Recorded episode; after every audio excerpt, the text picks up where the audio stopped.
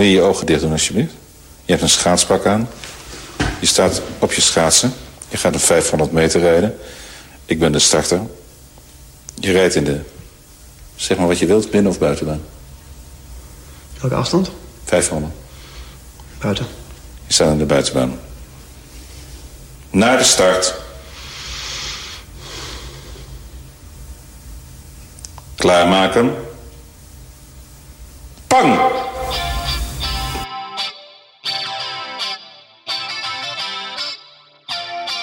Dit is Drang naar Samenhang, de podcast over de psychologie van het begrijpen. Mijn naam is Rolf Zwaan, auteur van het boek Drang naar Samenhang. En ik ben Anita Eerland. In deze podcast gaan we in gesprek over thema's uit het boek. Je hoeft het boek niet te lezen om ons te kunnen volgen, maar dat is wel zo leuk natuurlijk.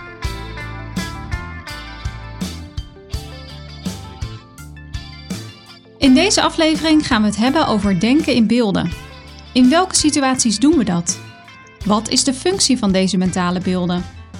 En wat nu als je niet in beelden kunt denken? Als ik tegen je zeg van doe je ogen dicht en denk aan een appel of stel je een appel voor, dan Mhm. eh, ben je bezig met mental imagery. Er is geen appel te zien en je hebt je ogen dicht, maar je stelt je die appel voor. Ja, die zie ik dus wel in mijn hoofd. Ja, en eh, zo kun je ook mensen vragen bijvoorbeeld eh, hoeveel ramen heeft jouw ouderlijk huis of zo. En dan doen mensen vaak hun ogen dicht en dan gaan ze zo een beetje die mentale voorstelling eh, scannen. Mhm. Nou is men- mental imagery is niet alleen beelden oproepen, maar het is ook iets met die beelden doen. Eh, nou ja, een bekend voorbeeld is bijvoorbeeld als ik zeg van stel je de hoofdletter D voor.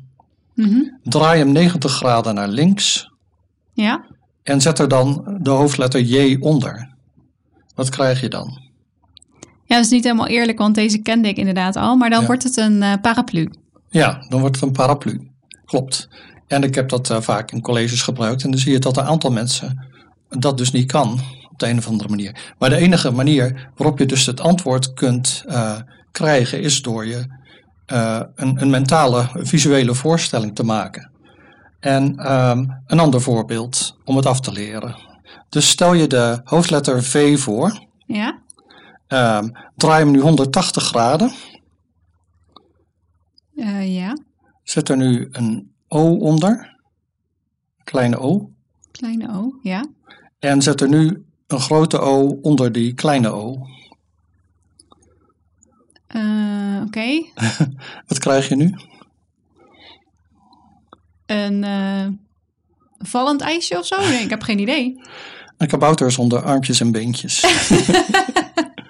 nou ja, nee, dat is een grapje. Ik, het, is zijn best, het is best wel moeilijk om die dingen te maken. Maar goed, ze illustreren dus een, eh, het principe van dat, er, hè, dat mental imagery meer is dan alleen een voorstelling oproepen. Het is ook iets met die voorstelling doen. Dus ik zei, stel je de hoofdletter D voor. Daarna roteer hem 90 graden. Dus nu voer je een operatie uit op die D. En dan hou je die D die je nu geroteerd hebt in je werkgeheugen, het actieve deel van je geheugen. En dan zeg ik, ehm, stel je nu de hoofdletter J voor. Die haal je op uit je lange termijn geheugen, komt nu ook in je werkgeheugen. En zet hem onder de omgekeerde D. Ja, Nou dus mental imagery is eigenlijk een proces waarbij je, ehm, he- waarbij je eh, beroep doet op je geheugen. En dan verschillende soorten Ja. geheugen. Daar hebben we het natuurlijk eh, in aflevering 16 ook over gehad. Dat er verschillende soorten geheugen zijn. Die heb je nodig voor mental imagery. Klopt. En die, eh, nou ja, die, in het boek heb ik het ook natuurlijk over die verschillende vormen van geheugen. Maar dus in het kort even, je hebt je, je lange termijn geheugen. En daarin heb je episodisch geheugen, geheugen voor, voor gebeurtenissen. En semantisch geheugen, geheugen voor feiten. Nou, en allebei spelen een rol in eh, deze taak. Want eh, het is natuurlijk niet alleen zo dat je die, die ehm, D omkeert, de J eronder zet. Maar dan- je zegt ook paraplu. Hoe kan dat nu? Nou ja, dat beeld dat jij gecreëerd hebt, Mhm. dat resoneert met iets in jouw lange termijn geheugen. Beelden die jij hebt van paraplu's. En die zitten dan in je episodisch geheugen. Dus eh, zo'n beeld wordt dan geactiveerd, komt ook waarschijnlijk in je werkgeheugen.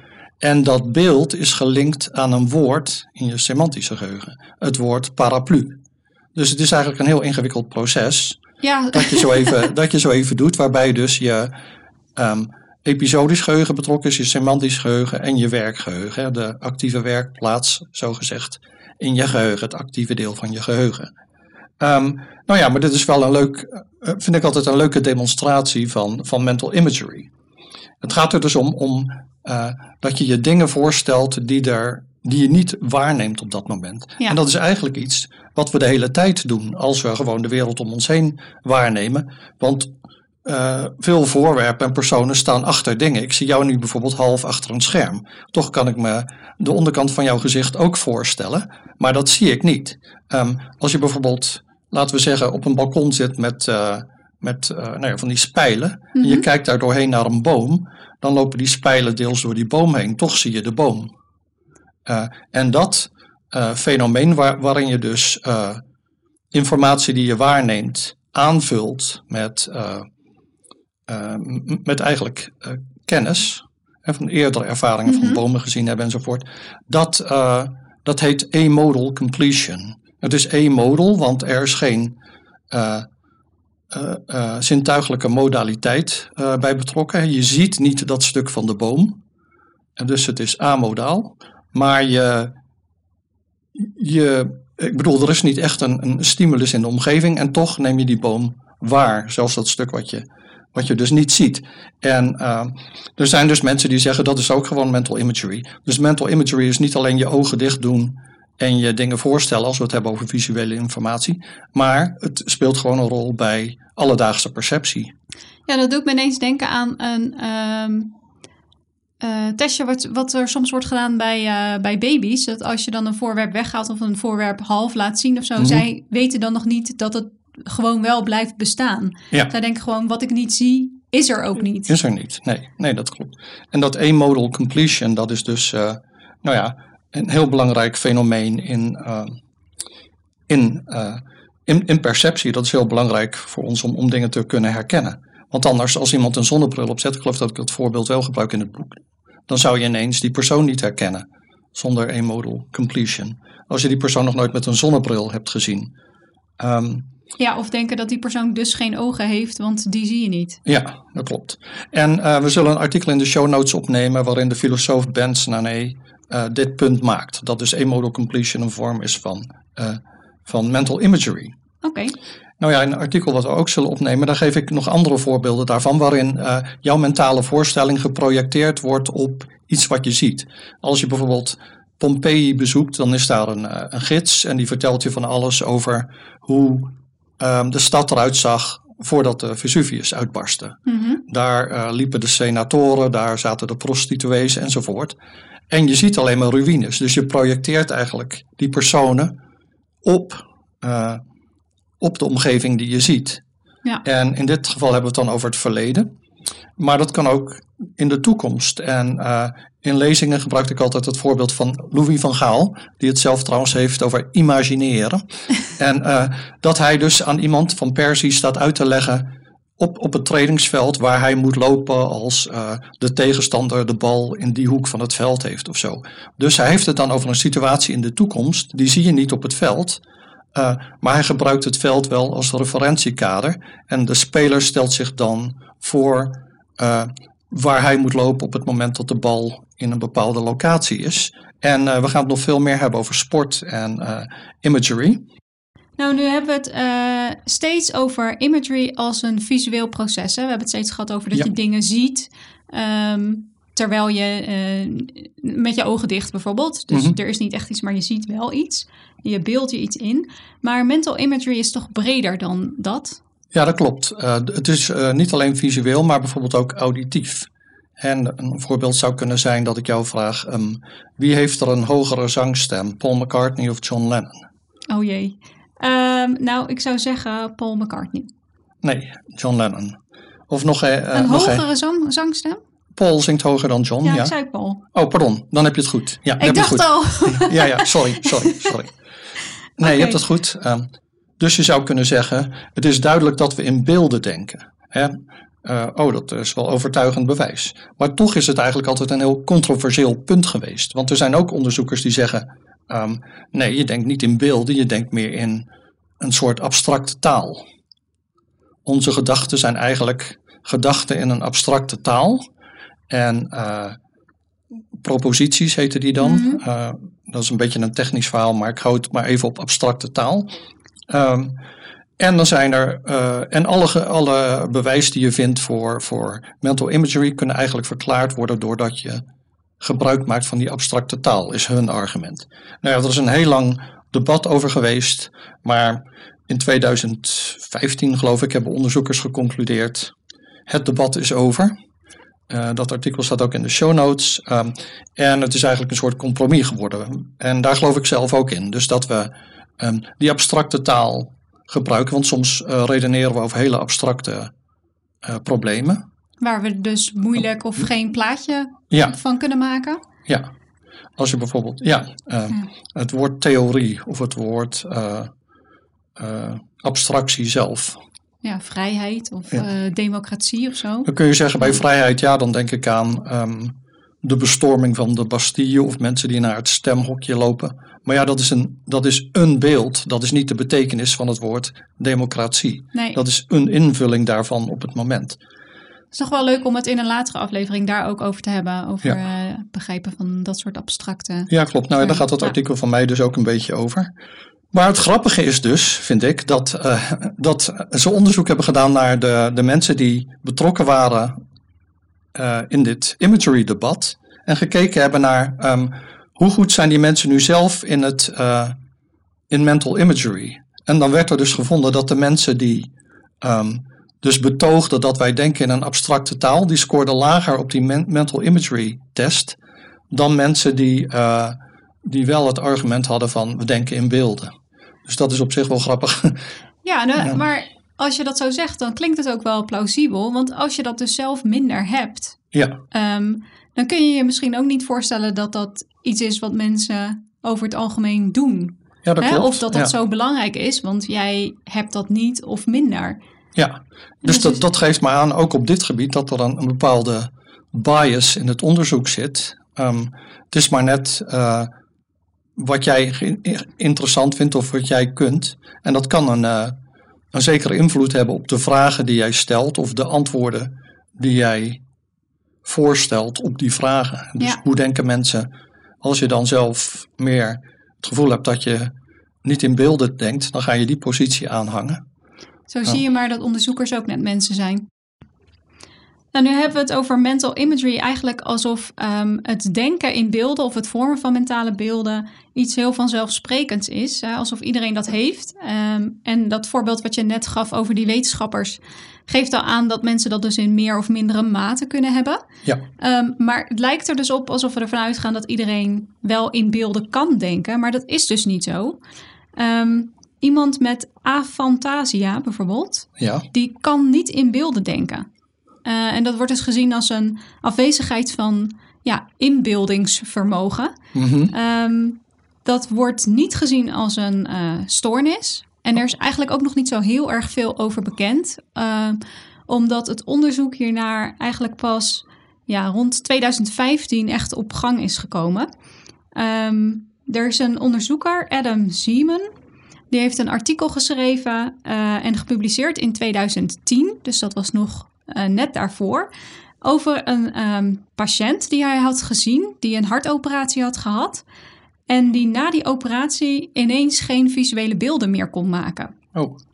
Nou, dat vond hij natuurlijk uh, opmerkelijk. Uh, een bijzonder geval. Dus nou, daarom heeft hij daar een artikel over geschreven.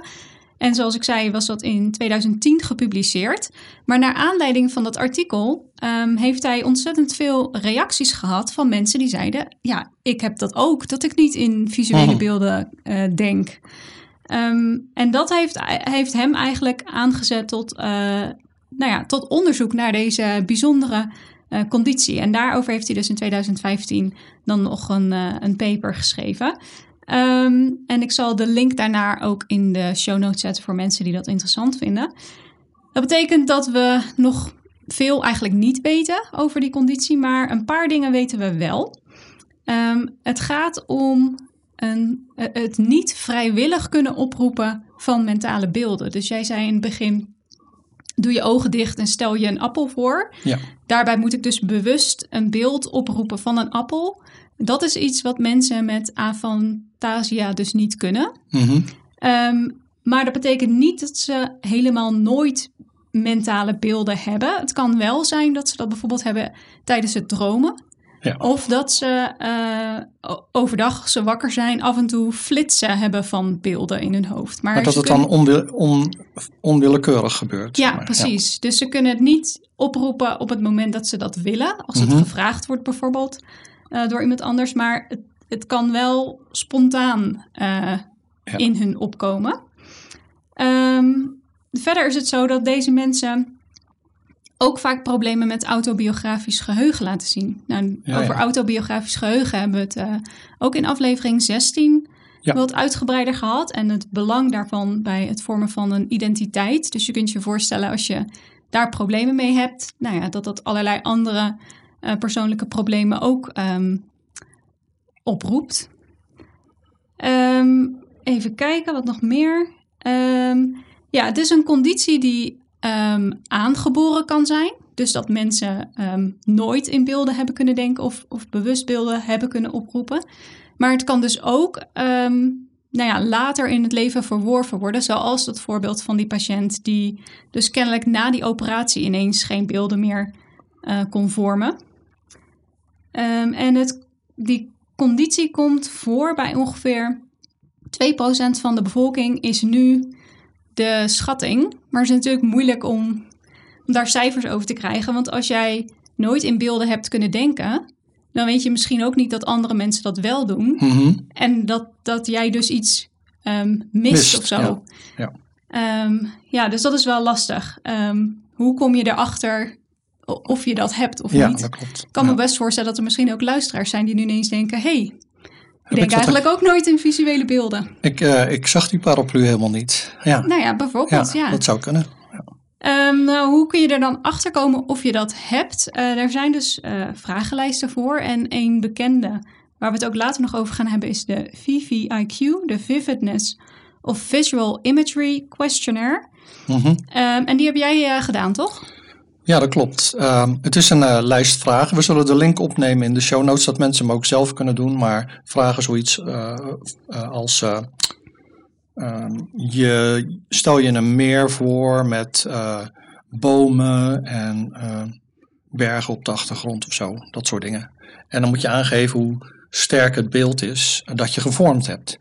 Dus eh, ja, het is zelfrapportage en daar heb ik zelf dan een beetje mijn twijfels eh, over. Aan de andere kant kwam er dus bij mij wel uit als conclusie: You're probably hyper fantastic. nou wist jij dat Oh. natuurlijk al lang, maar, maar, maar nee. Dus dat, eh, nou ja, blijkbaar eh, gaf ik in ieder geval aan dat de beelden die ik ehm, steeds zag vrij sterk waren. En daardoor kwam dan die score eruit. Maar ja, dat hoeft helemaal niet goed of slecht te zijn. Ehm, Nou ja, ik vond Ja. het zo. Ik heb er dus ook naar gekeken, want ik dacht, oh, dat is leuk als ik hem ook ga Ja. doen. Dan kunnen we onze scores vergelijken. en wat Maar- was jij? Nou ja, ik zou je zeggen, ik ben aan de eerste vraag afgehaakt. Oh. Want er was, eh, stel je, Met een quitter. ja, de- stel je een persoon, doe je ogen dicht, stel je een persoon voor die nu niet eh, bij jou in de ruimte is. En dan moet je inderdaad aangeven hoe duidelijk je de ogen zag en de schouders of weet ik veel. En dan moet je dat op zo'n, eh, zelf zo'n schaal met zo'n slider, zo'n schuifbalkje aangeven. Toen dacht ik echt, ja, ik weet waar deze vragenlijst over gaat. Ik wil natuurlijk niet dat eruit komt dat ik eh, me niks goed voor kan stellen of zo. Ehm, en ja, ik dacht, wat zit ik nou eigenlijk te doen? Ik zag ook dat er nog eh, heel wat vragen Ja. volgden, dus ik dacht, laat maar zitten. Gelukkig kun je mental imagery ook op andere manieren meten, maar daar zullen we het eh, straks over hebben. Oké, maar eerst is het natuurlijk weer tijd voor onbegrip van de week. En ehm, laat ik maar beginnen. Ehm, dit is een onbegrip eh, van een aantal jaren geleden in Nederland. Ik ging hardlopen in de Kaapse Bossen, dat is bij Doorn, de Utrechtse Heuvelrug. Mhm. Ehm, een rondje van geloof ik 10 kilometer met een, eh, een vrij steile beklimming daarin. En ik liep daar en ik hoorde achter mij, of ik hoorde twee vrouwen stemmen. En ze spraken ook nog Engels. En ik dacht Kan van, eh, nou Ja. nou, ja dat kan natuurlijk. Maar goed, eh, eh, in de Kaapse bossen kom je die niet zo heel vaak tegen. En dus ik liep en ik dacht, nou die vrouwen hebben wel een goede conditie. Want ik hoor ze niet hijgen en ze, en ze blijven maar praten. en ik wilde me natuurlijk- natuurlijk niet laten kennen. En ik, ik was, nou ja, Dus jij harder lopen ik waarschijnlijk? harder lopen, die beklimming aan het doen. En ja, ze bleven gewoon eh, achter me lopen. En ik dacht, wat een uitslovers. Eh, ik nog wat harder. En ehm, die, die beklimming heeft op het laatst een, een punt waar, de, waar het pad een beetje zo zich omhoog slingert. Dus dan kon ik stiekem over mijn schouder kijken. Hè, want ik ging natuurlijk niet omkijken. Dus ik keek stiekem over mijn schouder. Maar er was helemaal niemand. En ik dacht, hoe kan dat nou? Waar zijn die vrouwen ineens gebleven? En hoorde je ze toen nog wel? En toen hoorde ik ze nog wel.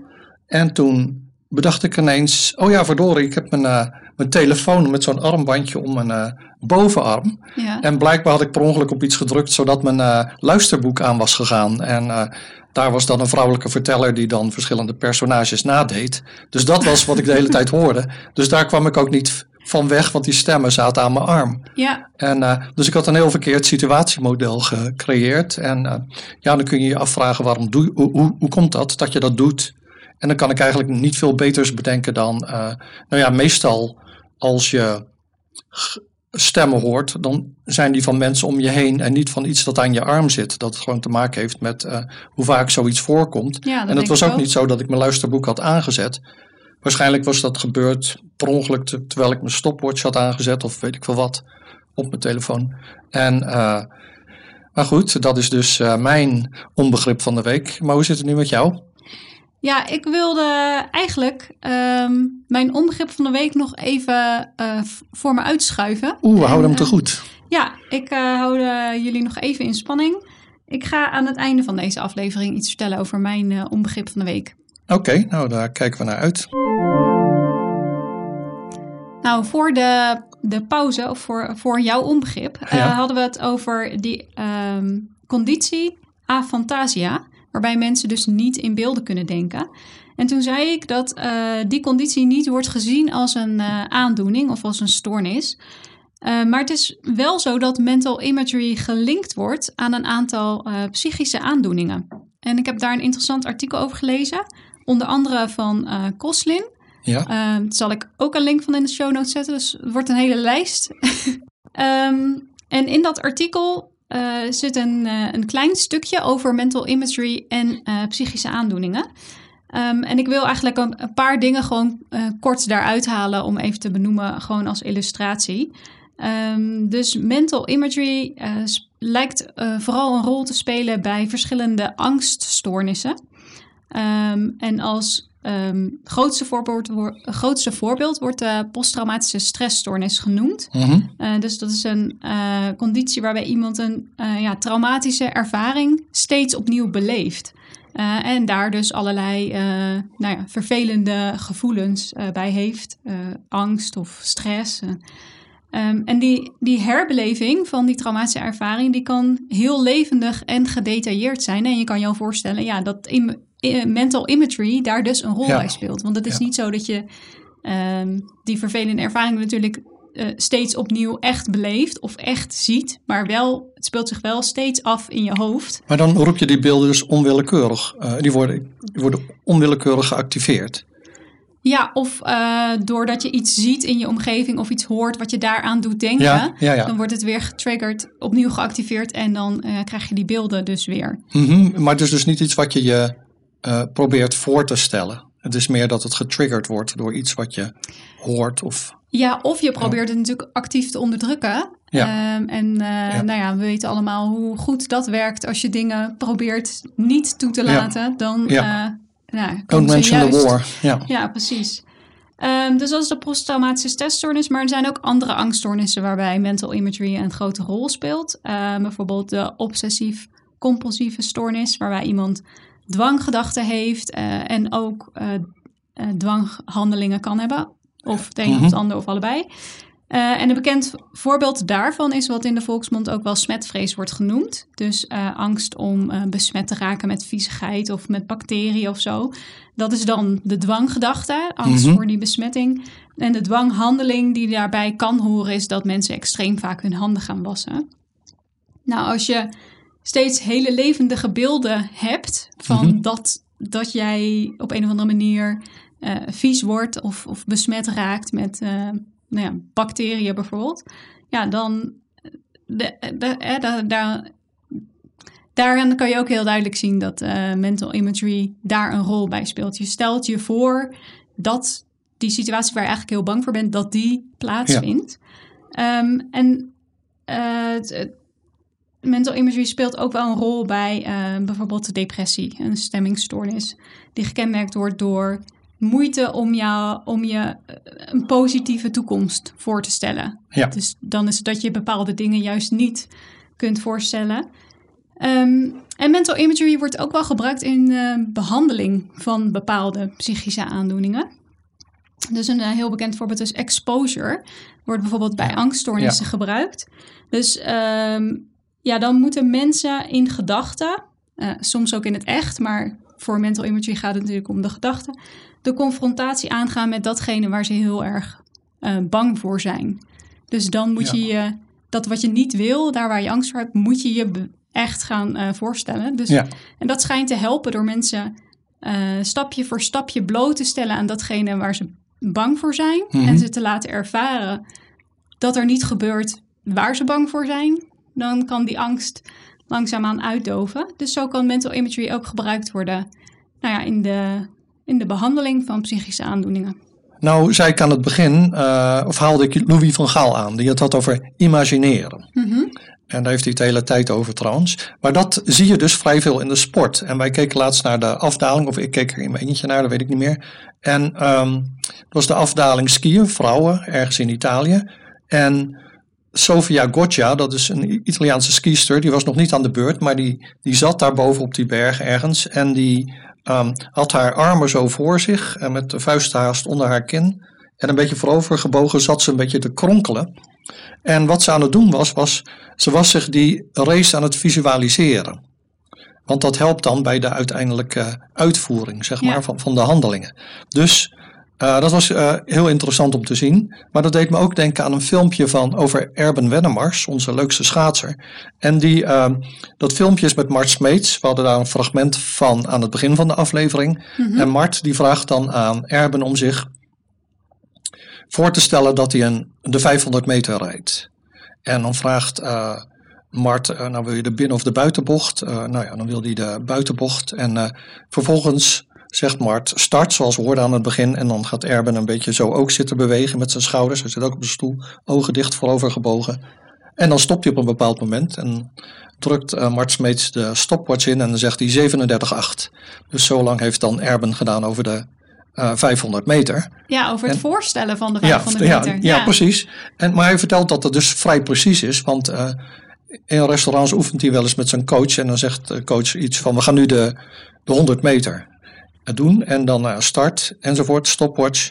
En als Erben dan stopt, dan is de stopwatch ingedrukt. En dan is het eh, 9,7 seconden of zoiets. Wat dan een goede opening is. En eh, zo precies kan dat dus zijn. Ja, wel knap hoor. Ja, maar hij zegt dus dat anderen nog verder gaan in die, eh, dat ima- imagineren. En hij noemt dan als voorbeeld Johnny Romme, die ook een tijdgenoot van hem was, geloof ik, met, in het schaatsen, maar de lange afstanden reed, 15 kilometer.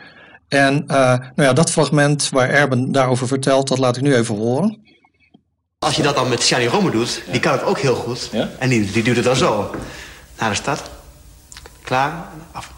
Shit. Shit. Shit. Dan maakt hij dus ook echt gewoon vijf misslagen op, op, op de eerste ho- ho- 100 meter. Dat is toch wel grappig. Nou ja, je ziet dus wel dat eh Johnny Romme heel ver gaat in zijn visualiseren. Visualisering. Hij vi- visualiseert zelfs de, eh, de fouten, mogelijke fouten. Nou, dan is het wel zo realistisch mogelijk, denk ja, ik. precies. Ja, Toch? ja. Ja, ik heb ook een artikel gelezen over eh, mental imagery bij eh, sporten, Mhm. bij sporters. Ehm, en in dat onderzoek hebben de onderzoekers gekeken naar het vermogen tot mental imagery bij eh, verschillende groepen sporters. In dit Ja. geval karateka's en eh, balletdanseressen. Mhm. En een groep eh, mensen die niet sporten. Ja. Vrouwen ook in dit geval. Ehm, En ze hebben het vermogen tot mental imagery op verschillende manieren gemeten. Dus ze hebben die, die mensen ehm, die VVIQ voorgelegd. Dus die vragenlijst waarover we het eerder hadden. Ja, Ehm, nog een andere vragenlijst die specifiek was voor het je voorstellen van beweging. ja, En nog een andere taak, en daar was ik eigenlijk wel eh, van gecharmeerd. Ehm, dat is een taak waarbij mensen ehm, eigenlijk twee plaatjes krijgen en, en die van elkaar af moeten trekken en dan moeten rapporteren wat er overblijft. mhm, Nou, om dat wat concreter te maken, ehm, het eerste plaatje is dan bijvoorbeeld een, zo'n digitale klok. Dus Ja. dat je allemaal van die streepjes ziet waaruit je alle getallen kunt maken. mhm, Ehm, en dan is het tweede plaatje een plaatje waarop een aantal van die streepjes ook zijn getekend. En dan Ja. moet je dus in je hoofd die streepjes van dat tweede plaatje aftrekken van die digitale klok met al die streepjes. Ja. En dan rapporteren wat er overblijft. Nou, dat is, vond ik wel een eh, elegante manier om eh, mental imagery te testen. Ja. Het is een beetje moeilijk om die taak uit te leggen, maar eh, je hebt hier een plaatje van... Moet je eh, mental imagery gebruiken. Ja, nee, maar ik bedoel, ehm, om het over te brengen. Ja. Het is makkelijk om uit te leggen. Ehm, dus bijvoorbeeld, eh, zoals je zei, zo'n digitaal getal, een 8 bijvoorbeeld, dat is dan het eerste plaatje dat je ziet. Mhm. En dan is het tweede plaatje, bij wijze van spreken, ehm, twee verticale streepjes aan de linkerkant. Ja, en dan En- hou je een 3 over. Dan hou je een 3 over, ja. Ja, precies. Dus je kan je het ook met lucifers voorstellen, zeg maar, dat je die getal. Ja, En- oh, dat ja. wordt ook vaak gedaan. hè? Oh, Dat- oh ja, ja. Oh, dat was ook laatst bij Wie is de Mol. Moesten Oh. ze een eh, rekensom compleet maken. Ja. Om stokjes weg te halen. en Ja, precies. Ja, ja, Ehm, maar eh, voordat ik afdwaal... eh, ja. Even niet over wie is de mol. nee. Ehm, even kijken. Oh ja, naar de uitkomsten van dat onderzoek. Ehm, Ja. Ze vonden dus dat eh, mental imagery... of het vermogen tot mental imagery... eh, groter was ehm, bij de groepen sporters... Mhm, Ehm, en dan maakt het niet uit welke sport mensen beoefenen, mhm. dan bij de mensen die eh, geen sport beoefenen. En dat gold Ah. voor alle drie de manieren waarop mental imagery was gemeten. Dus zowel de vragenlijsten als die eh, taak waar we het net over hadden. Oké, dus die vragenlijst waar wij zo lelijk over zaten te doen, eh, de Ja. VVIQ, die liet toch hetzelfde patroon zien als eh, bijvoorbeeld die taak met, de met de luciferhoutjes. Ja, ja. Klopt. Maar dat kan nog Ja. steeds zo zijn dat het wen- sociaal wenselijke antwoorden waren Ja, natuurlijk. zeker. zeker. Ehm, ja, nou ja, dan hebben we natuurlijk in de. In, ik heb het in het boek en wij hebben het in de podcast over tal van onderwerpen gehad waarbij eh, mental imagery een eh, rol kan spelen. Bijvoorbeeld bij het lezen van romans. Mhm. En eh, hè, waarbij mensen dus, we hebben dat geloof ik al in aflevering 2 of zo hadden we ook dat voorbeeld. Ehm, als ze dan de Harry Potter films zien of zo, of Harry Potter, dan, ehm, dan zeggen ze, oh dat Zwijnstein dat lijkt precies op hoe het in het boek beschreven is. Ja. En, en soms heb je ook dat een personage helemaal niet lijkt op hoe je die persoon had voorgesteld. Ehm, en dat is dan, eh, dat is dan eigenlijk, geeft dat aan, dat je je dus wel een visuele voorstelling had gemaakt. Maar je hebt die, eh, eh, die is anders dan, dan hoe het uiteindelijk op het witte doek is verschenen. Ja, dat is altijd een beetje Ja. een teleurstelling. Als je een boek hebt gelezen, Ja. heb je je voorgesteld hoe een personage eruit ziet of een omgeving of zo. En dan, Ja. dan ziet het er in de film heel anders uit. Ja, nou ja, en dan heb je natuurlijk eh, bij grote gebeurtenissen heb je visuele voorstellingen.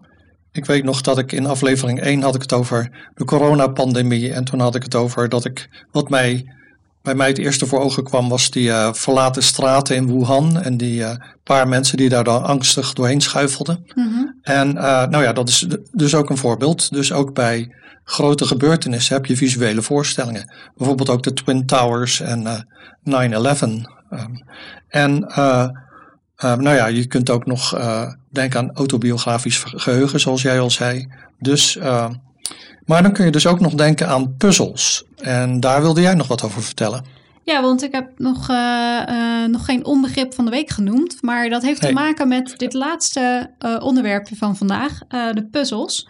Ehm, daar hebben we het al vaker over gehad. eh, met name over legpuzzels. Ja. En er is dus een speciaal soort legpuzzel dat heel goed past bij het onderwerp van vandaag, bij mental imagery. Hm. En dat is de zogenaamde was-gits. Gits? Nee? Wasgidge. was Skitch puzzel. Ja. Oké, ik, eh, ja, dan kom ik dus meteen bij het onbegrip van de week. Want ik had, ik had het dus maar steeds over een was-schij-puzzel. ja. En ik dacht, nou, waar slaat dat op? En eh, eh, is dat dan iets Nederlands of zo? Maar daar kon Ja. ik eigenlijk niet echt iets over vinden. Ehm, en toen bleek dus dat het gewoon jigsaw, dus het Engelse woord voor puzzel, achterstevoren is. ja. Ik voelde me echt super dom toen ik daar eh gisteren achter kwam. Maar het is wel een eh, leuk soort puzzel, lijkt me. Ik heb hem zelf nog niet gemaakt. Maar je maakt dan niet het plaatje dat op de doos van de puzzel staat. Maar je maakt bijvoorbeeld eh, het gevolg ervan. Dus Ja. je ziet een situatie, je moet zelf bedenken wat er dan gaat gebeuren. En dat moet je Ja. maken. Maar er zijn ook varianten waarbij, je, waarbij mensen op, op het plaatje op de doos ergens naar kijken. En dat je dan moet maken waar die mensen naar kijken. ja. Of je maakt dezelfde scène, maar dan in een andere tijd. Dus bijvoorbeeld terug in de tijd of eh, juist in de toekomst. Ja, het is een eh, interessante vorm van eh, mental imagery. Hè? Dus je, je moet je mentale voorstelling maken van bijvoorbeeld dan het gevolg. En dat is de basis voor het leggen van de stukjes. Ja, Nou, voordat ik een en ander ga samenvatten, had ik nog even een afterthought. want ik heb het wel gehad over ehm, eh, visuele imagery, visual imagery en geluiden. ja. Maar je zou ook bijvoorbeeld aan smaak kunnen denken. Als jij aan het koken bent, dan zou je bijvoorbeeld kunnen denken van... Hmm, zou eh, gember of nootmuskaat passen bij wat ik nu aan het maken ben? En dan probeer je daar een voorstelling van te maken. En dat is dus in dit geval dan op het eh, gebied van smaak. ja. Ehm, Oh ja, interessant. nou ja, even samenvatten dus. En dat doe ik altijd uit de blote bol, dus heel nauwkeurig ben ik ook weer niet. Ehm, maar we hebben het gehad over mental imagery. En dat is dus je een voorstelling van iets maken terwijl je datgene op dat moment niet waarneemt. En we hebben gezien dat, er, dat mensen verschillen in hoe goed ze daarin zijn. Ehm, sporters bijvoorbeeld lijken er beter in te zijn dan, dan anderen. Er is een discussie over of we überhaupt wel in beelden denken, maar die lijkt erin geresulteerd te zijn dat, eh, dat de consensus is: ja, we denken in beelden, maar we gebruiken soms ook een abstracte taal om te denken. En we hebben het gehad over sporters die eh, veelal gebruik maken van imagery om hun prestaties te bevorderen. Vond je dit een leuke aflevering? Abonneer je dan. Op Twitter en Instagram zijn wij te vinden als Drangkast. Je kunt ons ook mailen via drangkast.gmail.com. Een beoordeling met 5 sterren helpt nieuwe luisteraars onze podcast te vinden. Behoefte aan meer drang naar samenhang? Ga dan naar de boekwinkel of bestel het boek online via www.boompsychologie.nl slash drang naar samenhang. De hoofdstukken die aansluiten bij deze aflevering vind je in de show notes. Tot de volgende drang. Drang naar Samenhang is een podcast van Rolf Zwaan en Anita Eerland. Montage door Rolf Zwaan. Muziek geschreven en gespeeld door Rolf Zwaan.